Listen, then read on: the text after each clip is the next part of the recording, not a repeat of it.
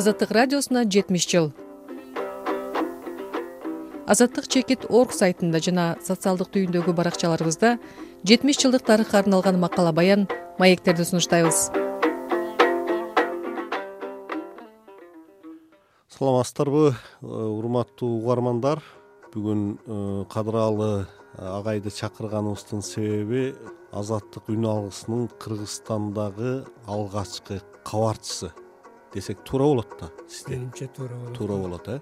Эгемендик алганга чейин эле советтер союзу учурунда ошол алгачкылардан болуп ушул сиз э, маалымат даярдап бере баштаган экенсиз бул ошол сексен тогузунчу сиз ошондо сексен тогузунчу жылы баштадыңыз да ошол кандай болду эле сунуш сизге кимден түштү ушу кеп оролунушундан баштап берсеңиз? Э, жакшы рахмат сексен тогузунчу жылы э, токтогул сатылгановдун жүз жыйырма беш жылдыгы болуп жана перестройка гласности дегенден кийин аким өзгөн деген жигит ошол учурдагы азаттык радиосунун кыргыз редакциясынын башчысы кыргызстанга келди. Илгерки басмачылардын сүргүнгө айдалып кеткендердин тукумдарынан биринчи жолу келгендердин бири ошол аким өзгөн болгон да э, мен ал учурда москвада окуп жүргөн кез эле диссертация жазып дегендей мындай анан биз москвада телефон аркылуу гана эке сүйлөшүп калдык. Сексен тогузунчу жылы октябрь айында будапешт университетинин профессору бүткүл түрк элдеринин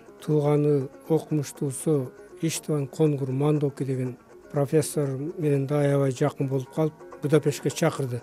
Бир айга жакын будапештте ошол коңур мандокинин үйүндө жашадык. Мен бир уул бир кыз аялым төртөөбүз. Коңур эке мени атайын чакырган экен көрсө. Батыштын түркологдору менен таанышсын мажар түркологиясынын ориенталистикасынын эң мыкты китепканаларына көргөздү. Алтаистика деген академиясынын институтун алып барды. Э, ошентип э, биз жүргөндөн анан бир күнү э, коңур эке телефон чалды. Төлөмүш агай менен сүйлөштүрөйүн сүйлөшөсүзбү? Албетте сүйлөшөм. Ал киши эми бизге бир легенда болуп калган аксакалыбыз да учурашайын деп телефон чалып төлөмүш жакып уулу мен ушул жерден айтып өтөйүн биздин угармандарга. Э, бул киши дагы ошол эле азамат алтай сыяктуу аким өзгөн сыяктуу кыргыз кызматын алгач башкарган аксакалыбыз бир миң тогуз жүз жетимиш бешинчи жылдан сексен төртүнчү жылга чейин башкарган экен да. Ошо төлөмүш жакып уулу менен эми сизди сүйлөштүрүп атат э? Ооба. Төлөмүш агай менен аябай сүйлөштүк. Эмне кылып жүрөсүң европада эмне кылып жүрөсүң ал коңур эке менен тааныш экен аларчы. Ал кишинин байбичеси мария жеңе деген ал киши менен да сүйлөштүрүп жеңең менен учураш деп э, кыргызстан кандай деп эл кандай журт кандай перестройка гласность келди бизге да жакшы болду кеңири кабар алып калдык деген сыяктуу өзүнүн ойлорун айтты азаттык жөнүндө сүйлөштүңүзбү азаттык жөнүндө аз эле сүйлөштүк биз э, иштеп атабыз колубуздан келген кабарларды кыргыз элине кабарларды жеткирип атабыз. Акыйкаттыкты чындыкты билсин деп аракет кылып атабыз деген сөздөрүн айтты. Кыргыз элинин кабары бар. Сиздер айткан жаңылыктарды бири болбосо бири угат. Ошолордун ичинде мен дагы уйку жок учурларда уккум келген учурларда ушу кырылдап чырылдаса дагы укканга аракет кылабыз деп айттым.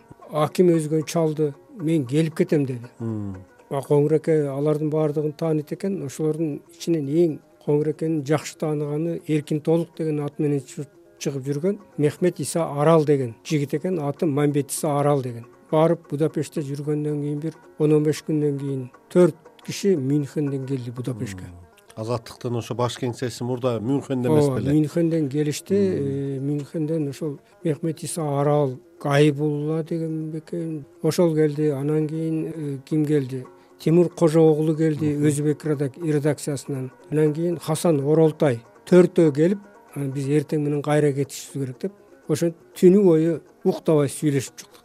Аябай сүйлөштүк. Баардыгы сурашат. Мехмет иса арал аябай ушундай бир мекенчил элин сүйгөн мыкты жигит экен. Ошондо эми сизди ким чакырды эми сизди ошондо жумушка сизди ким чакырды. Кантип алындыңыз? Ошо процедураны айтсаңыз ошо анан кийин ошентип бир сутка отуруп алар менден интервью алып кетишти төрт редакциясы тең интервью алды. Мына кетебиз деп аткан күнү аким өзгөн келди. Анан акимдин бир э, мерседес машинасы бар экен кара жаңы алган кабарлашып туралык телефондорду алышып туралык э, деп чыңгыз айтматов аксакал ушу москвада экен.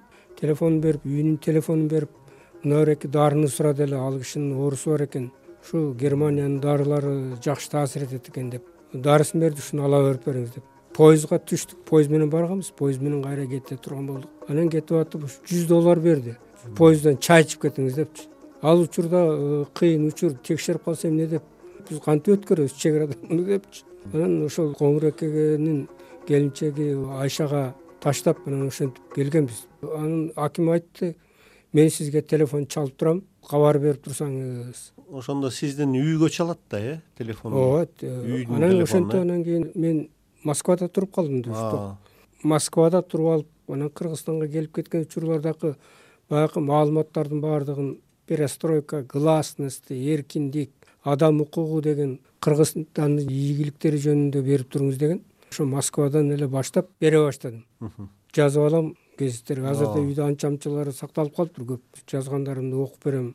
Анан ошентип э, аким өзгөнү өзү жаздырып алабы өзү чалып өзү жаздырып алат э анан аким өзгөн жаздыртып алат харун анын иниси жаздыртып алат мамедшарип э, жаздыртып алат жана мамбетиса жаздыртып алат. Кез кезде тиги тимур кожогулу дагы өзүбек редакциясынан ушинтип мамилебиз болуп калды да бул эми ошол сексен тогузунчу жылы э? сексен тогузунчу жылы октябрь ушу ноябрлардан башталды да анда санда чыгып москвадан кабар айтып турдум. Анан жайында кыргызстанга келгенден баштап токсонунчу жылы жайында. токсонунчу жылдын жайындачы мүмкүн болушунча ошол токсонунчу жылдын баш айларынан эле баштап мүмкүн болушунча аябай көп маалыматтарды бере баштадым.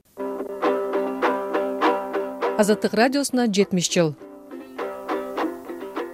азаттык чекит орг сайтында жана социалдык түйүндөгү баракчаларыбызда жетимиш жылдык тарыхка арналган макала баян маектерди сунуштайбыз. Себеби эми эстесек ошол убакта токсонунчу жылы чоң окуялар болбодубу ооба өзүңүз билесиз эми э, эгемендик токсон биринчи жылы болду. А бирок токсонунчу жылы баягы юн окуясы болду билесиз. Тиги кыргызстандын түштүгүндө улут аралык э, кичине чыр чатактар чыкты. Анан жанагы ачкачылыктар башталды. Советтер союзунун баягы кпсстин өзүнүн ролу жөнүндө маселелер козголо баштады биякта болсо ошондон кийин ал убактагы биринчи катчы абсамат масалиевке каршы акциялар башталды дегендей. Анан күзүндө келип анан э, октябрда э, аскар акаев э, жогорку кеңеш тарабынан шайланып атат э. Ошол окуяларды сиз берип калдыңыз да?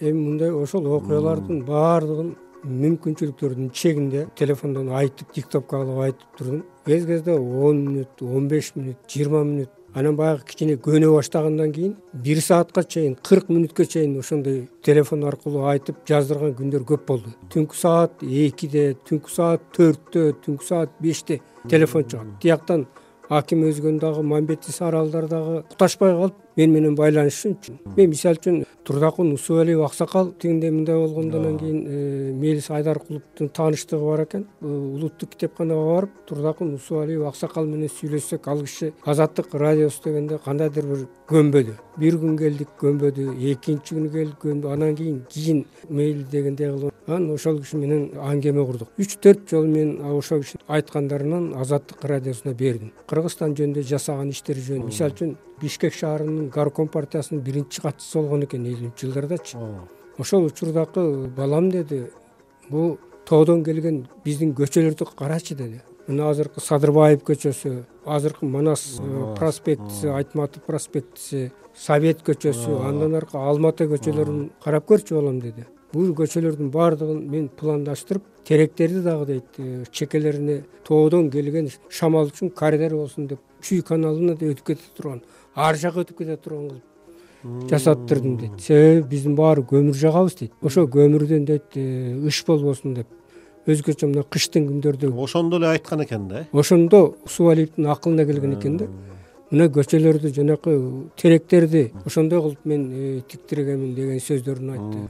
Шарап рашидов политбюронун кандидаттыгына мүчө болуп жүргөндө мына соң көл чатыр көл мына биздин чаткалдын ар жактарындагы сандалаш деген чандалаш деген суулар дагы башка нерселер жөнүндө өзбекстандын пахтасына суу жетпей атат деп ушуларды сугарабыз деп ошону косыгинге барып жүрүп эптеп соң көлдүн чатыр көлдүн суусун агыздырбай сактап калгандыгы жөнүндө нерселерди айтты. Мен ошолордун баардыгын ошол учурда бергенмин ошондоку аксакалдан жазып алган токсон минуталык эки кассета бар э ошол азыр дагы үйдө турат. Жакшы. Советтер союзу толук урай элек да. Токсон биринчи жылы гана урап атпайбы советтер союзу. Сиздин өзүңүзгө жеке коопсуздугуңуздан корккон жоксузбу? Анан сизге мындай кичине органдар тараптан мындай ыдык көрсөтүүлөр болгон жокпу? Ошол кандай өзүңүздү алып жүрдүңүз эми азыр азыр айта берсе болот го үч тамга деп эле коелу эми ошентип айтылып көнүп калган да.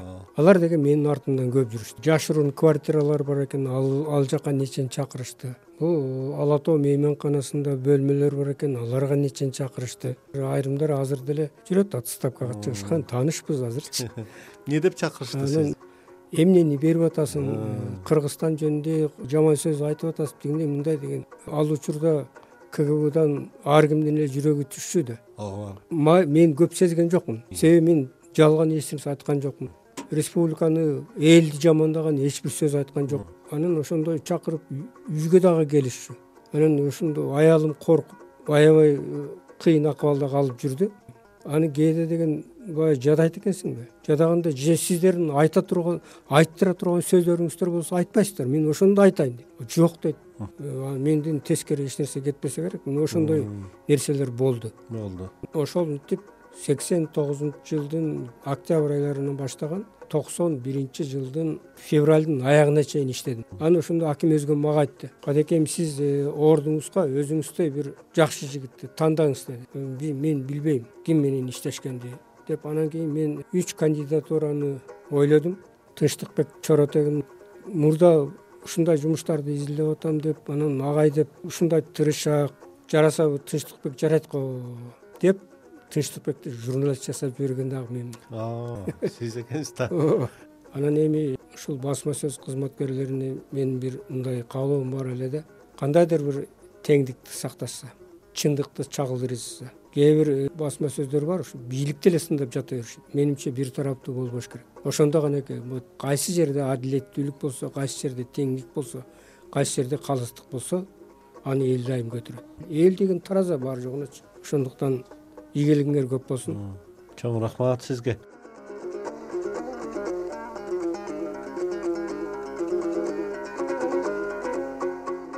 Урматтуу угарман азаттык радиосунун кыргызстандагы биздин өлкөдөгү биринчи алгачкы кабарчысы болуп кадыралы агай бир миң тогуз жүз сексен тогузунчу токсонунчу жылдары иштеген. Э, сиздер менен мен кубат оторбаев болдум. Саламатта калыңыздар азаттык радиосуна жетимиш жыл. Азаттык чекит орг сайтында жана социалдык түйүндөгү баракчаларыбызда жетимиш жылдык тарыхка арналган макала баян маектерди сунуштайбыз